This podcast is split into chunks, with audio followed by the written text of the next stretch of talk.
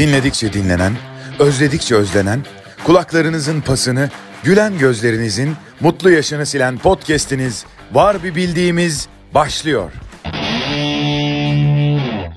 Ladies and gentlemen, dear podcast listeners, welcome to Turkey's very first, by far the most engaging employer podcast channel, Reket Var Bir Bildiğimiz. So this is your favorite moderator, Harun Çeliksoy, and I will be hosting the second episode of uh, the Insider Talks, Roundtable.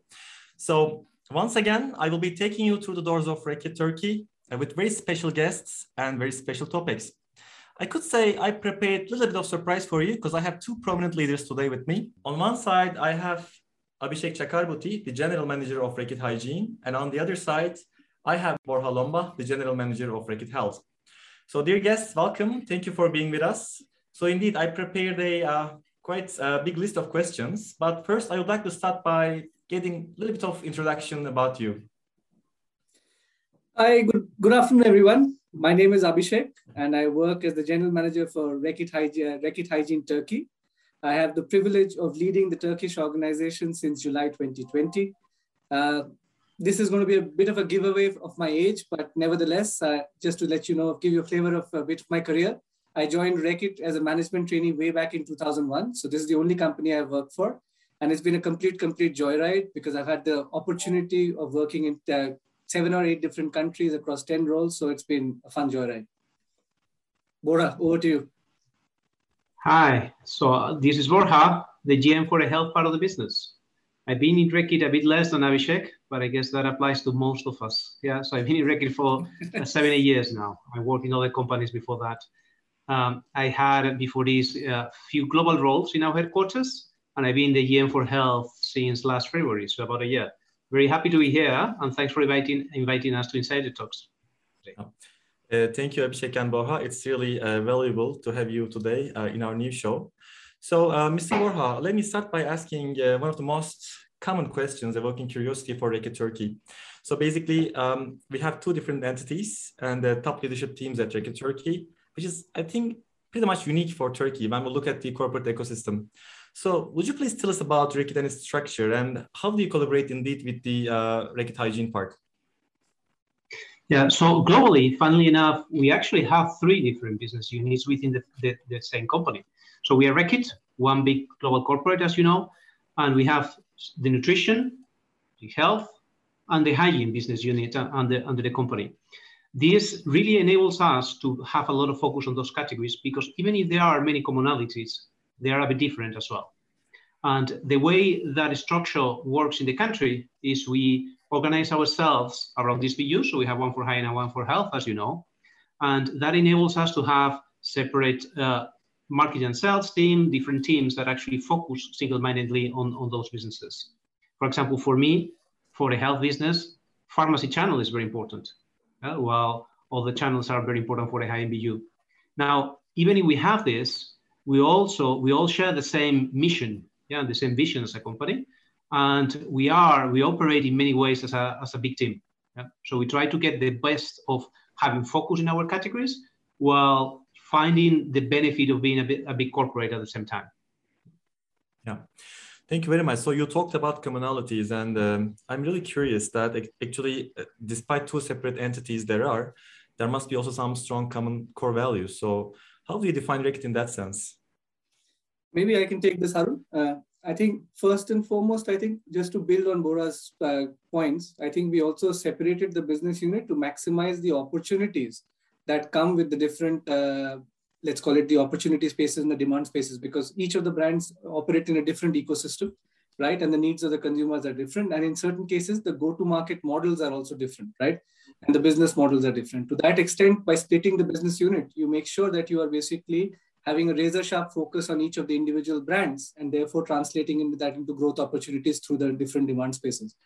I think while we operate as three different business units, uh, you know, from a brand point of view and a portfolio point of view, somewhere down the line, basically the culture of the organization remains one, right? So what holds the organization together is basically the core values of the company, the leadership behaviors of the company, and then we make sure that this happens by you know having a very operating model in, in place which is both professional and based on trust also because for example bora and me come together every week to discuss basically the, the needs of the organization together. How do we basically drive the, uh, let's call it, how do we maximize the opportunities of Reckitt as a, as a group, basically, at, at some point in time. And somewhere down the line, we also hold the culture of the organization together, not only uh, through the leadership behaviors, not only through the culture of the organization, but this is enabled by having one HR that runs across bo- both the BUs, basically. So that's also some of the ways that we manage the ensure that the uh, the culture and the DNA of the organization remains one. We are so just to to to build. We have. I feel that we have the benefit of having the freedom to to maximize our businesses, while at the same time we're able to work very collaboratively with our friends in the WU and get the benefit of it. I mean, I share uh, office next to to Abhishek's, yeah. So we're all around our business, but it, this enables us to work very well together. As you can see, we have the same background even. exactly. So, uh, Abhishek, I would like to continue uh, with you. So, when I look at your past, I see that uh, you've been in the organization in the last 20 years. Uh, you always tell that actually um, you never built a CV in your career at Reckitt. So, would you please tell us about the core cultural values which kept you in the organization in that such a long time?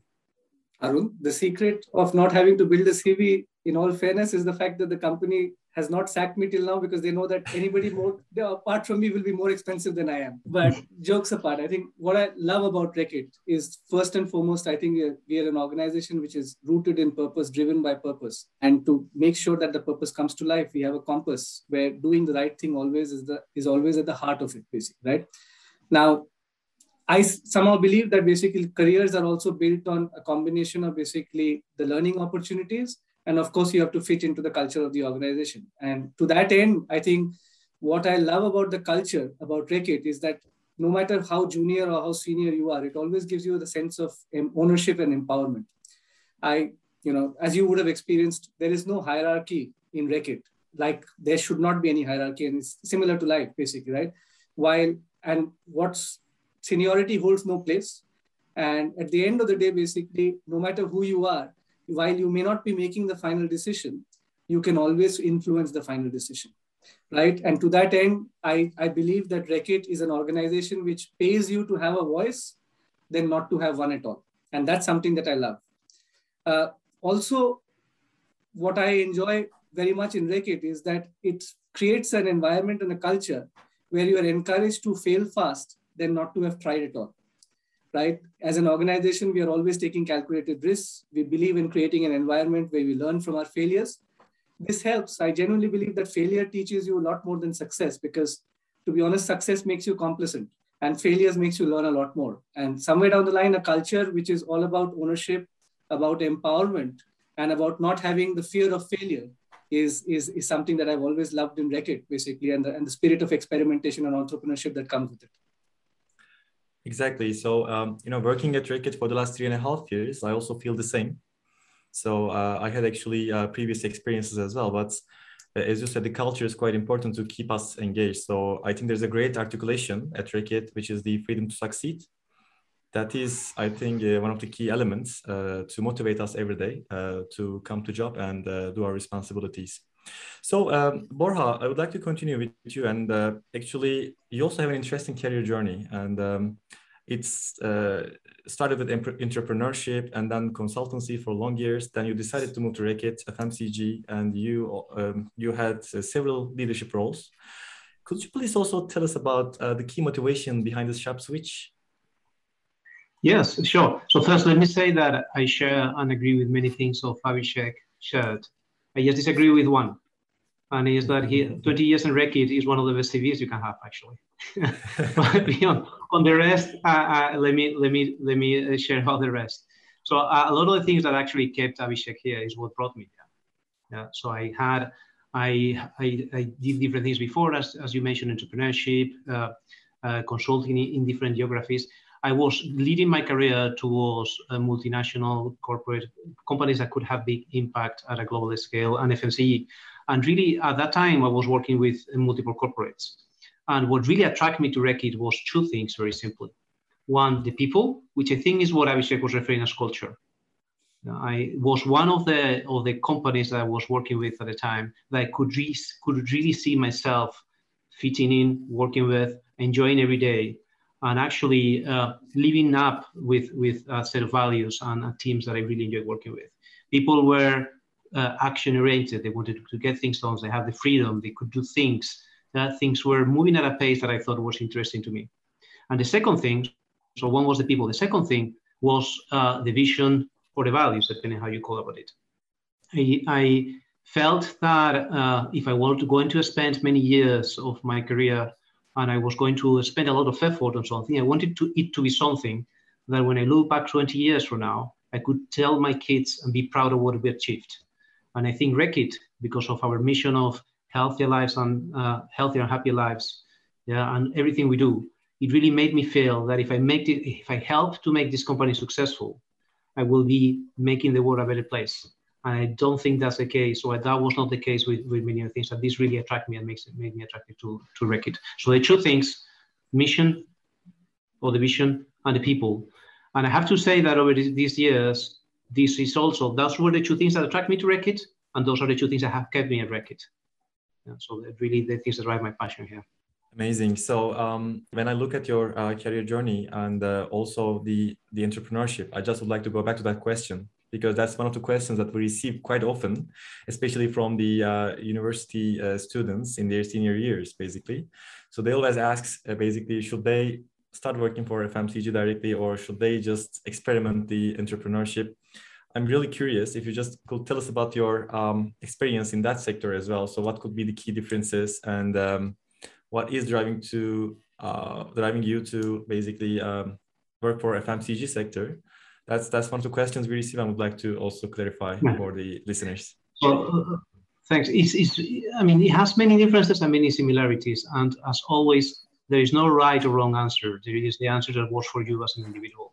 But let me tell you so, some of the differences that I see. Yeah, for example, uh, in a company in a in a company like Reckitt, the the scale of the impact you can have is monumental usually compared to, to entrepreneurship. You think about some of the of the resources, some of the scale of the things you do, the impact can be very can be significant.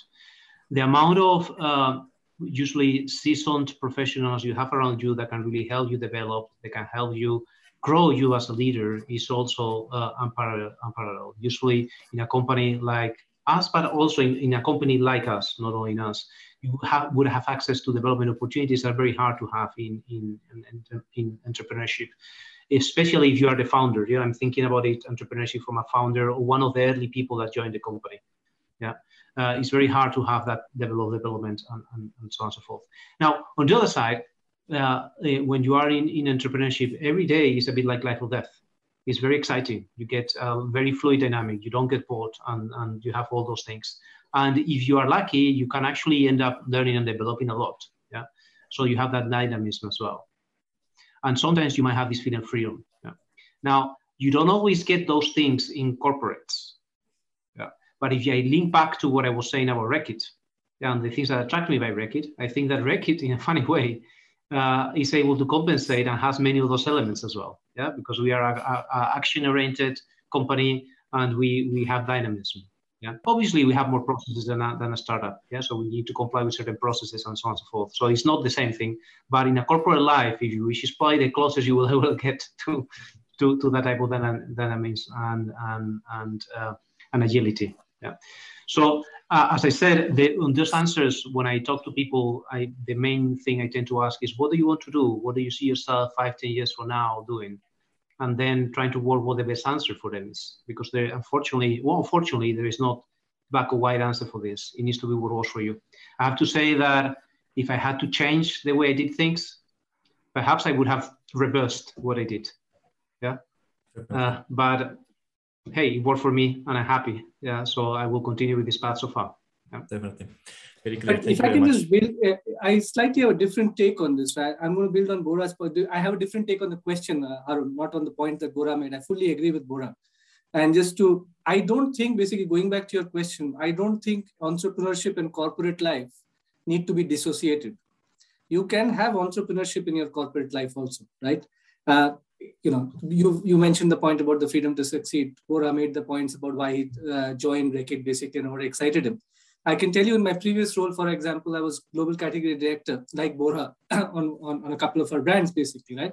And during that, I was one of the founding members of the partnership that we have now with the Founders Factory, right? And be- believe it or not, I was actually mentoring one of the Founders Factory uh, businesses. And to that extent, basically, the, that it also tells you that, you know, it does not mean that you're an FMCG company and you're a big company. It doesn't mean that entrepreneurship cannot be there. I learned a lot of things by mentoring them.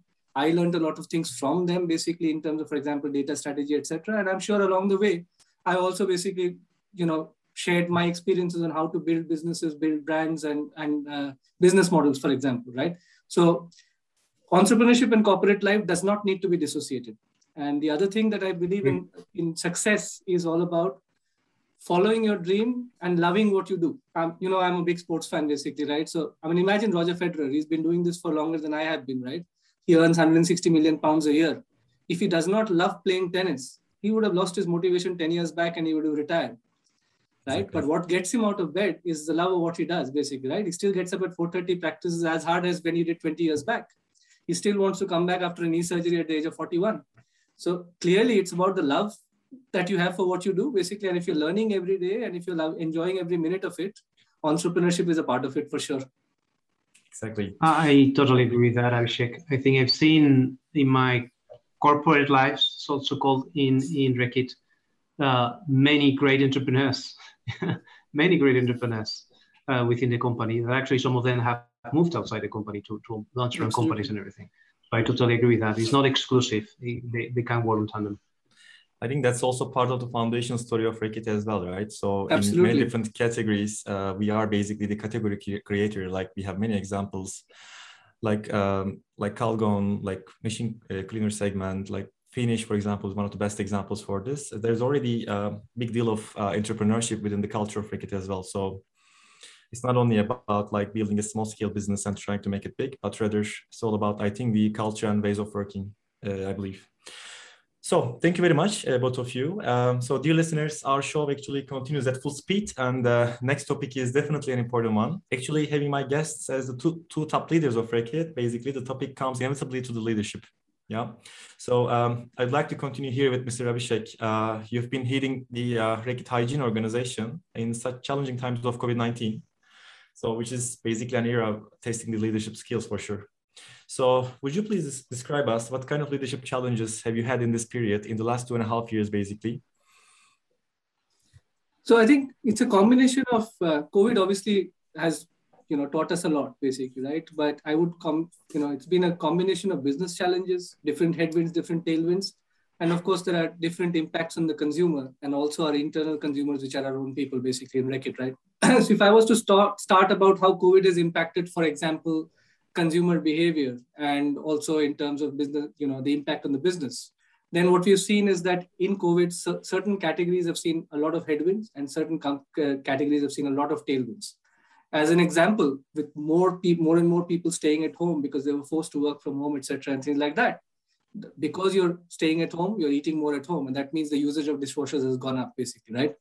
To that end, building awareness and making sure that behavior change of basically saving water, you know, uh, remains paramount because at the end of the day, basically, with more people staying at home, it has an impact on sustainability, right? So to that end, we've increased, you know, we are actually investing more in increasing the awareness and driving behavior change of saving 57 liters of water in every wash load through skipping the rinse, which Finish dishwasher tablets allows and, uh, you know, becomes very important.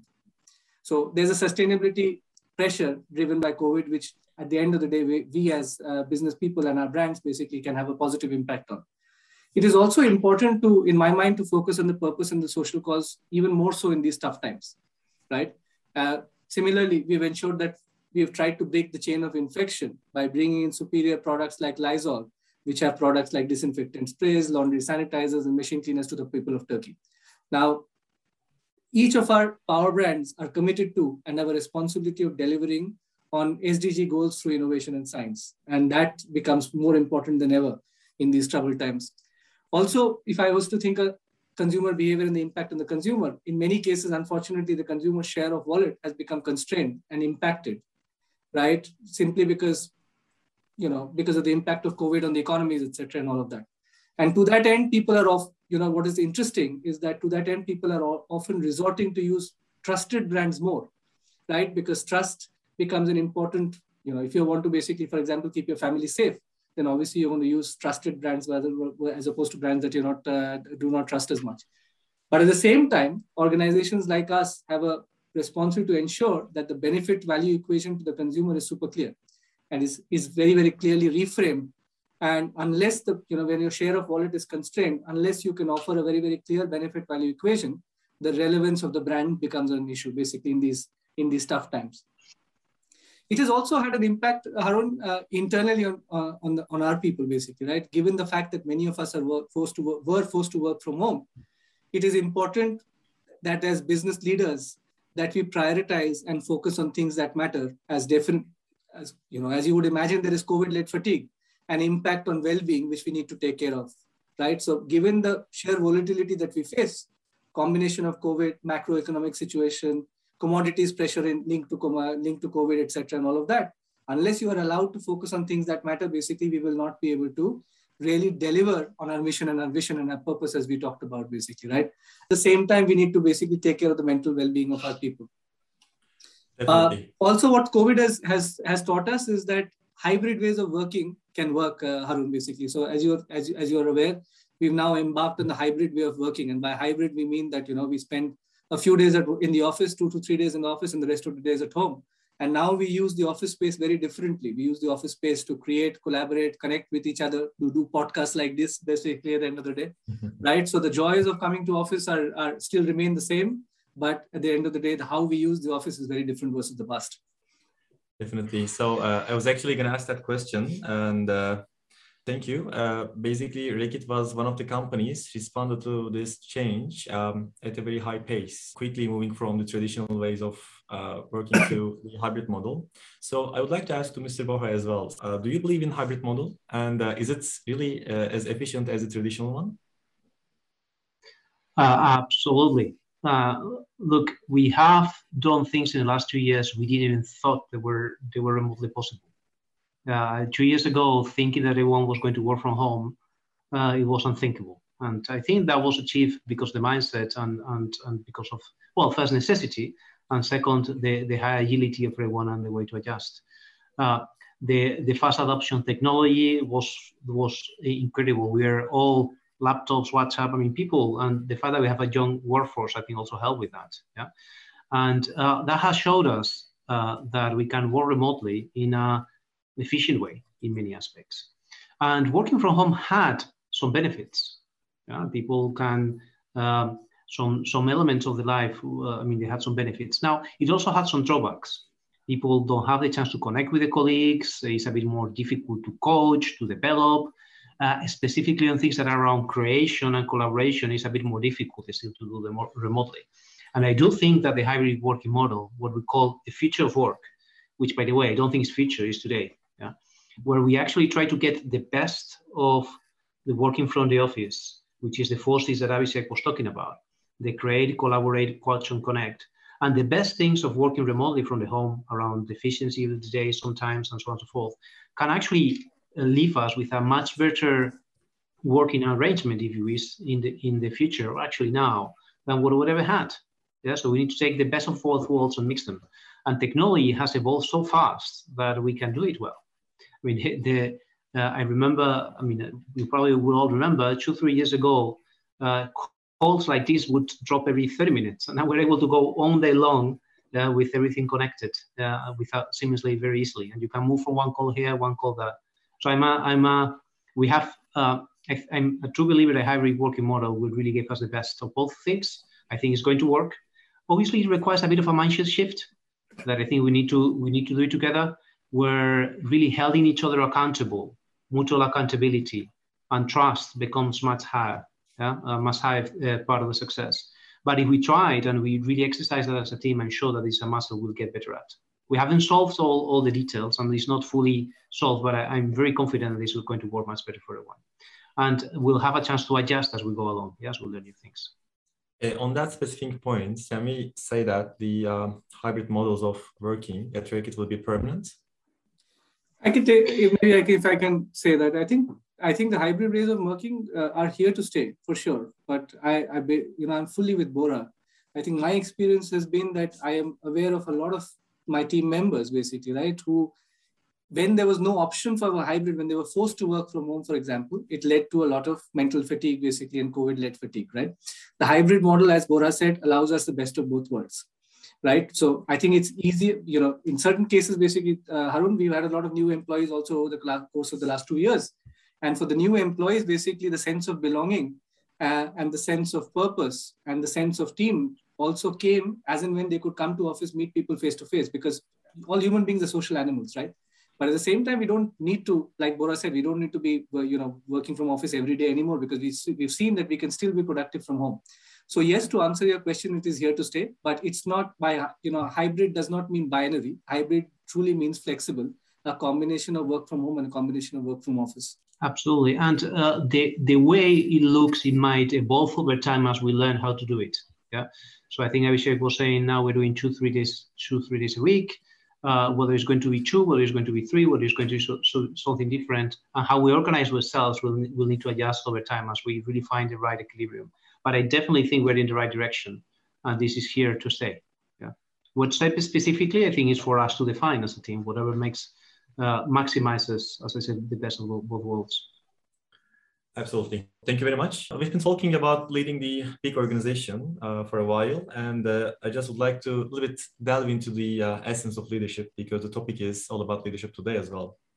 So, uh, as you all know uh, better than me, there's always a debate around the question that if leaders are from birth, and um, so I just, you know, you know, probably you know the quote from the uh, famous Peter Drucker he says basically leaders are self-made, but they need to build on their natural characters, sort of like they need to find ways of their authentic leadership skills. What is your perspective on this? Do you really agree on this?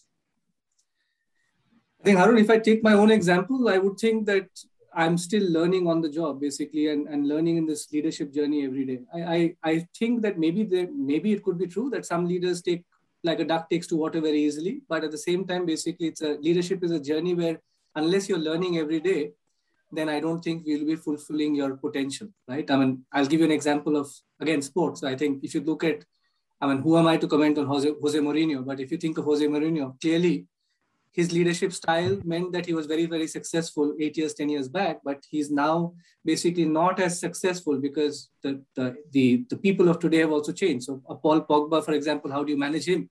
Is very different from a Roy Keane, for example, right? At the end of the day. So I think leaders also need to evolve. You definitely uh, so are you a leader by birth? Maybe. Do you need to learn every day on the job? For sure, basically. And I, for sure, I'm learning every day on the job. I'm not perfect. And having said that, I would say that you need to be your authentic self always. Always stay humble. Not be afraid of taking decisions. I would try. I try to choose a team with different personalities who are different from mine, and definitely who are better than me. Because the only way of getting promoted is if you have people better than you, at, uh, you know, below you at the end of the day. And you know, the one thing that one of my mentors told me is something which was really interesting is that make sure that you spend more of your time on your strengths than being bogged out by your development areas or your weaknesses, as your strength has got you here. Uh, you know, your strength gets you to a certain place. So I think, yes, at the end of the day, leadership, I, I believe leadership, you need to continue to learn and therefore it can be taught to you also. But somewhere down the line, your values and your authenticity, your integrity, and your transparency help you in your leadership journey. Clear. Uh, Borja, would you also agree the same? Yeah, I think that uh, leaders might need some uh, some elements might, might might be intrinsic to them, but then if def definitely the majority of it is built. I really believe that uh, leaders are self-made you need to be willing to be a leader and you need to be willing to go what it takes to, to, to lead yeah? Because it's a development journey with you're in constant learning mode. As i said i'm still learning yeah? And i think everyone is. So you need to be willing to put yourself outside your comfort zone and, and learn and learn. Uh, but i do i do think that uh, regardless almost of what the skill sets you are you're birthed with unless you develop them you're probably going to be stuck at some point yeah? So in order to be able to continue to grow they're self-made obviously certain elements I, I, think they are they are they might be needed from the start, but I do think they are self-made. Again, all the sports prove this, as Abhishek said.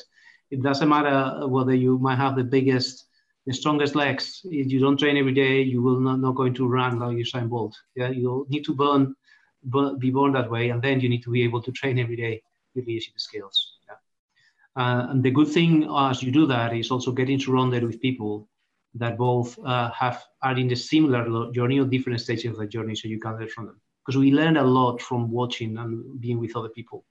Uh, that's going back to one of your earlier questions. I think that's definitely one of the benefits of being surrounded with other leaders in, in, a, in a company like Reckitt, that you get to see many styles, you get to learn from them, and not everything works for you. Yeah? To the point from from authenticity and uh, that Abhishek was saying, uh, you need to find your own style as you grow. So this is not around uh, copying and pasting and just applying whatever works for other people. It's about finding your own.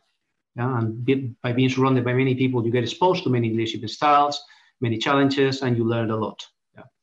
But uh, definitely to your question, self-made is a big part of, of growing leaders. Just basically just build on what Borja said. I think self-made for sure, but I think what's very important for each one of us is to have our own individual leadership brands and leadership styles, basically, right? Because again, you know, for example, an Alex Ferguson leadership brand is very different from a Steve Jobs leadership brand, for example, etc., and things like that, right? So I think self-made, yes, but it's very important that you carve out and define for yourself what what what would you like to be remembered for and the leadership brand and style that you would want to drive, basically, which is very important. Okay, thank you very much. I just would like to tweak my question from a different angle. So um, from the employee angle this time. Uh, actually, I'm a marketer and I have been doing this job for the last around uh, 12 years. And uh, we always read Kotler books, so you know he's the uh, father of marketing, uh, so, so, sort of uh, called like that. And what he says basically, your first customer is your employees, and you need to make them happy to make your real customers happy. So when you consider this from the leadership angle, what sort of investment are you doing to um, develop the future leaders in your organization? So I think, Borja, I think uh, uh, Borja was mentioning it, right? Personally, for me, I believe that the two biggest assets that we have are people and brands, and in that order, uh, Harun. And therefore, people are the ones who are the ones who are driving the, the success of the company and building our brands and they're integral to, uh, to who we are. To that end, I think first and foremost, it's about providing a culture and an environment where everyone has the freedom to succeed. You talked about the freedom to succeed culture at the outset.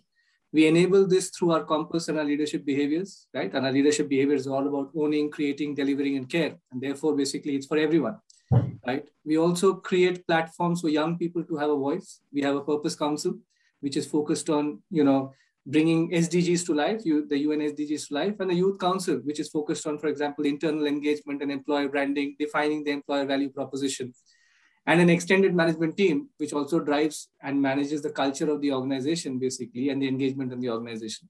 So I think first and foremost for me, it is about because people and brands are the two assets that we have. It is first and foremost is about creating an environment of what I would call socialized power and psychological safety right? Because at the end of the day, if people feel safe, psychologically safe and secure, and if they feel they have an uh, have an environment where they have the freedom to succeed, to voice their opinions, challenge status quo, I'm sure basically the success will come. So I personally believe that a combination of purpose and people translates into outperformance.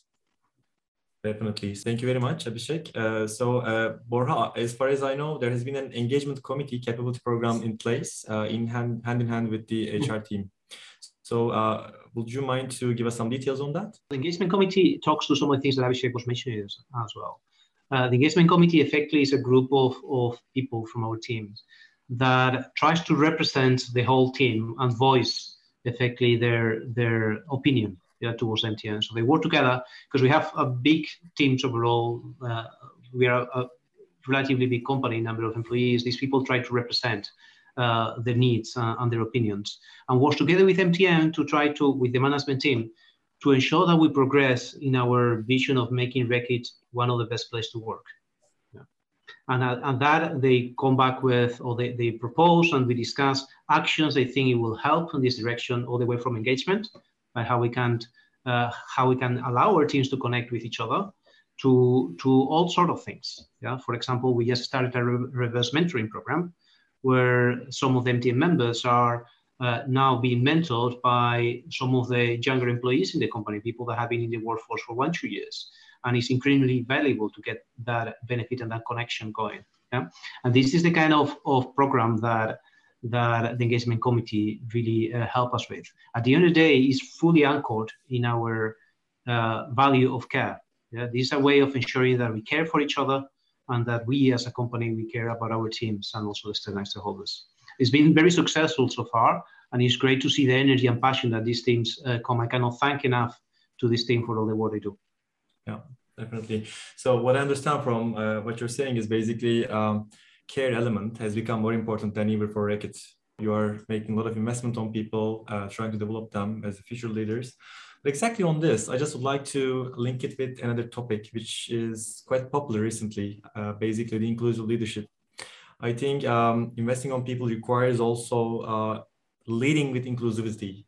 So how do you approach that one? Um, how should we understand the inclusive leadership? I, I can only speak for myself uh, on this one, Harun. And I think first and foremost, what I try to do is, you know, people talk more about diversity and inclusivity, basically DNI. I think the most important word in all of this is equity. Personally, I think equity is more important than equality, right? Because by definition, equality means that everybody is treated the same way. But equity genuinely means that there are different people, there are people at different levels and different levels of support needed for each one of them to succeed, right? So I think first and foremost, we need to ensure equity, right? Uh, and then basically for me, inclusivity as part of that means treating everyone equitably, ensuring that there is a sense of belonging and value, and we are able to provide resources and support in different levels because people need different levels of support basically to realize their full potential. So I think one thing that we don't talk about enough is about equity. And for me, it starts with the equity. And once you have the equity, then hopefully there will the diversity and the inclusivity will follow.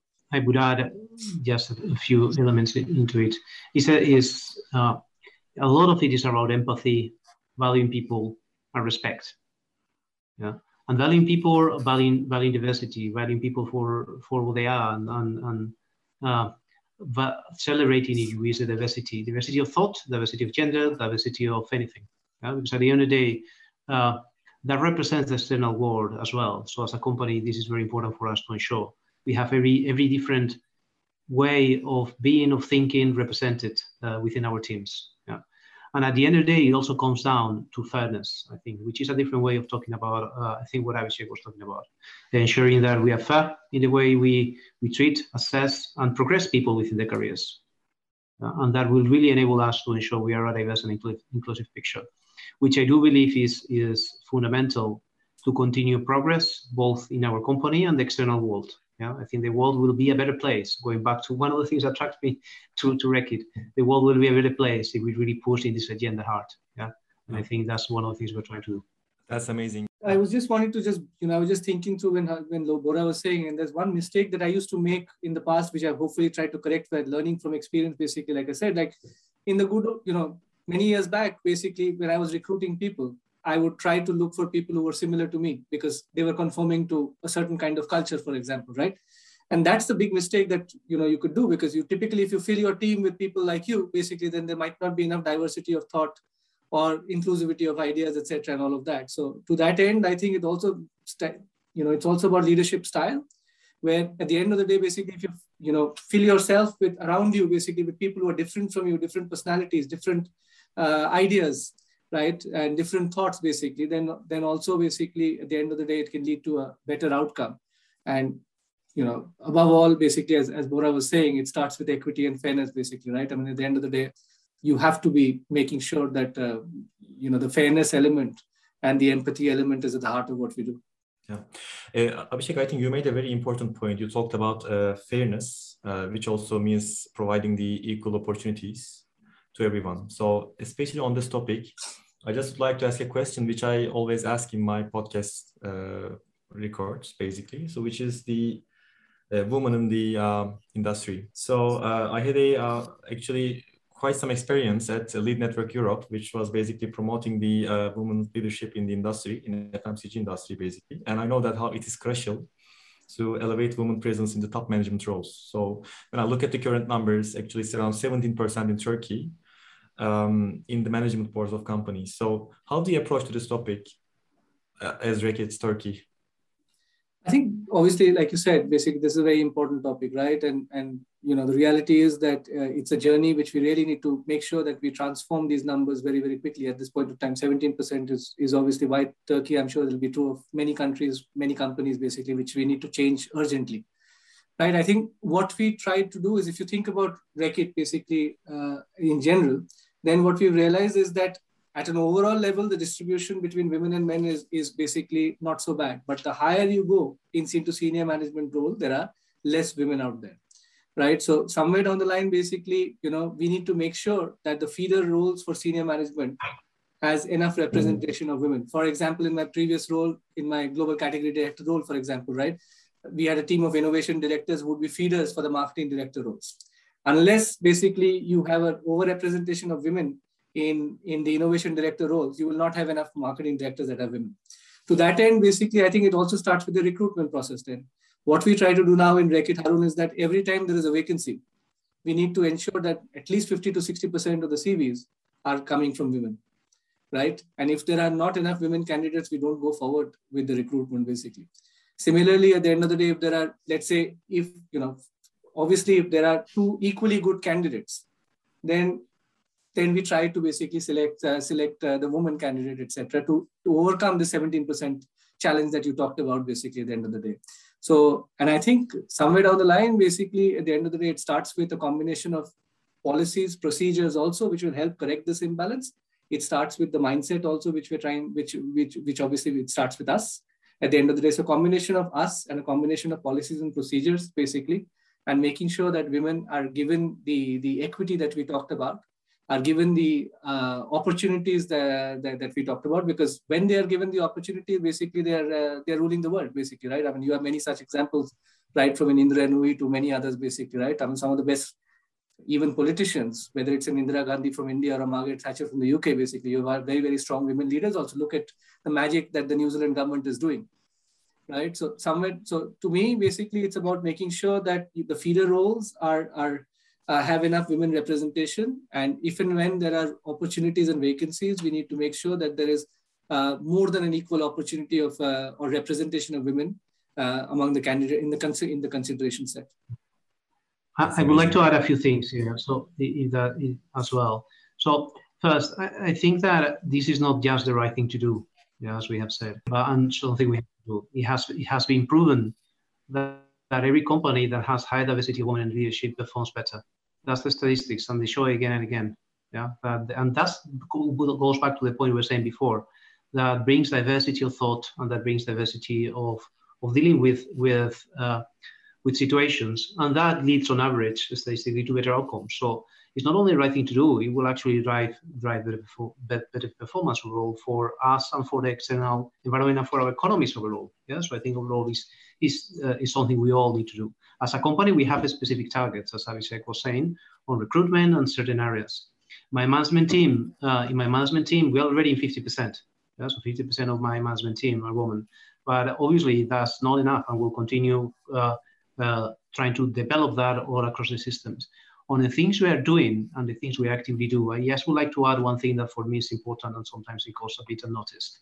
I think we need to uh, also focus on coaching and developing. So recruitment is the start of the journey, and we there is a lot that has to be done to avoid bias and ensuring that are 50-50 and so on and so forth. But there is a, an element of, of coaching that we need to do as well. I think even if sometimes might go unnoticed because we are unfortunately too used to it, women need to go through a lot of hurdles that men sometimes don't need to do in the workforce. Yeah. yeah? And this is a broad generalization, so it's always not right. It's not right all the time, but I think some element of coaching or support is sometimes needed as well. Yeah, to ensure that they can maximize their impact and they can actually show and, and, and, and, not succumb to some of these challenges that sometimes happen in the workforce. So I would add to the recruitment, the coaching, and the development. And as such, we do have leadership developing programs that are focused as well towards women employees to support them on that globally. Yeah, so there's a, a full effort not only in recruitment, but also on developing women leaders within Reckitt. And I think that will be important to continue to achieve our targets. Yeah. I think there's also, if I can just build on that, there's a super points from Borja. I think if I can just build on that, there is also an education and awareness piece basically on top that we, we and Reckitt uh, firmly believe in, uh, on top of the points that Borja made. For example, basically, you know, Harun, you were one of the founder members of the Purpose Council. So, you know, you we have, for example, a, a body in the organization which is working on women's empowerment, basically gender diversity, basically in the as an ongoing uh, uh, as an ongoing part of the journey. And with that, we were also, you know, partnering with the Sabancı University, basically, as you, as you would know, basically, to, to make sure that the awareness and education on these important topics, basically, are, are, are continuing, because we have to drive this behavior change uh, inside and outside, right? And similarly, we have an uh, employee ERG group, basically, which is focused on, on the DEI agenda that we talked about, basically, right? So somewhere down the line, it is also, it's a combination of the coaching, the development, and the institutionalization of driving this behavior change that needs to happen. Definitely. So thank you very much for uh, really leading, leading and driving this agenda. It really means a lot. And um, so, dear listeners, we are proceeding toward the end of the show, but I reserved a couple of questions, which I'm also quite curious of. Abhishek and Borja, would you have any advice to people who want to uh, excel in the leadership? I'm not so sure I'm the right person to give advice, basically, because I'm sure there are better, you know, people in a better place than I am. But I think I would encourage everyone to be curious and to try different things, right? I personally believe, Harun, you may have had this chat many times. I genuinely believe that functional competency can be taught. But what separates the stars from the not so good performers is the curiosity and the thirst for knowledge, right? Uh, also, we should challenge status quo. You know, there's no way that you can expect different results by doing the same things over and over again. I again to reiterate, I think curiosity, because functional competency can be taught to everyone, and the other one is about experimentation and challenging status quo right? Always be humble and strive for excellence. I genuinely believe that it is easier to get to the top than to stay there. I mean, if again, if I was to give an example of sports, then if you if you want to be a Federer, Federer or a Serena Williams, then you need to improve every day versus the previous day. Even if you're Federer, even if you're Serena Williams, right? You've seen how many women's tennis players have won one one Grand Slam, two Grand Slam, three, but there are only three, four people who won more than 20, whether it's a Steffi Graf, Navratilova, or Serena Williams. So I genuinely believe it is easier to get to the top but much more important to stay there. And if Federer has to stay relevant versus the Djokovic or the Federers of the world, the Nadals of the world, then he genuinely needs to improve versus the previous day. So I think that's what I try to do. Basically, learn something new every day. I try to be curious, basically, and definitely uh, I I love experimentation. I have no fear, and I try not to have the fear of failure, basically. I feel uh, a bit the same like Abhishek, but let me share my, my thoughts. Uh, the I think for me, the first one is around uh, try to get outside your comfort zone, which links to development. Try to find ways to continue to develop. And you find something is easy, find the next thing that is not easy. And that could be around links to that. I think it's very important to, to be authentic and develop self-awareness. You don't you are not going to develop if you're not fully aware of you what you need to develop. And self-awareness sometimes is is built through uh, uh, there's an element of hum- humbleness that goes with self-awareness, being able to accept that even if you really want to develop as a leader and be uh, and be successful, sometimes things are not going to go your way, and that's okay. You, you'll recover and you'll be able to learn and improve from those those things. Yeah. So the element of authenticity, of humbleness and self-awareness, together with pushing yourself out, paired with the things that Abhishek was talking about around curiosity and so on so forth, can can take you a long way. The authenticity point is also important because people will see through. Yeah, so we are trying to to to to lead people. People will more likely forgive a leader taking the wrong decision if they know that it's authentic, that not uh, that uh, actually not accept authenticity or lack of integrity. So it's very important as you do that, you continue to be authentic and leadership, and all that will lead you to your own leadership style. I think there is no true leaders that are the same. The same. Yeah. Abhishek was talking about your leadership brand. I mean, I referred to uh, leadership style. Everyone needs to find their own way. Yeah. And I think we're luckily enough we're in a world where through inclusiveness, more leadership styles are also somehow accepted and can work. Yeah. So I think let's continue to push that boundary by ensuring that every single leader finds their own style that feels comfortable, authentic to them. Yeah. So uh, that, I guess those are my, my two cents to the topic but somehow I'm also learning. So I and I think everyone is to some extent. So I'll try to apply those to myself first. Thank you very much. Fortunately, we are coming to the end of the show today. Abhishek and Borja, we are really grateful to you uh, for sharing your precious time with us. And uh, it was a big pleasure for us knowing you, getting your perspective on the leadership fundamentals, uh, leading in the tough times, and uh, understanding the Reckitt's approach in the leadership. So that was quite uh, in- insightful and uh, impactful to know. And uh, I'm sure that your valuable experiences and insights will shed a light on many prospective leaders. Um, yeah, thank you very much. Any any last words from your end? No, big thank you, Harun, to you and your team for, for basically giving us this platform and this opportunity. Uh, you know, it, will be it's been a real pleasure, and uh, thank you so much for this opportunity. Same. Thanks for inviting us, and thank you for for organizing this. Really appreciate thank it. Thank you very much. So, dear listeners, it's time to say goodbye now. Uh, please feel free to share your feedback and questions to Reckitt Turkey Instagram account, Turkey Reckitt, and don't forget to follow us either. So, see you in the next episode with new guests at Insider Talks, the Roundtable. Stay tuned. Ciao. Ciao, ciao.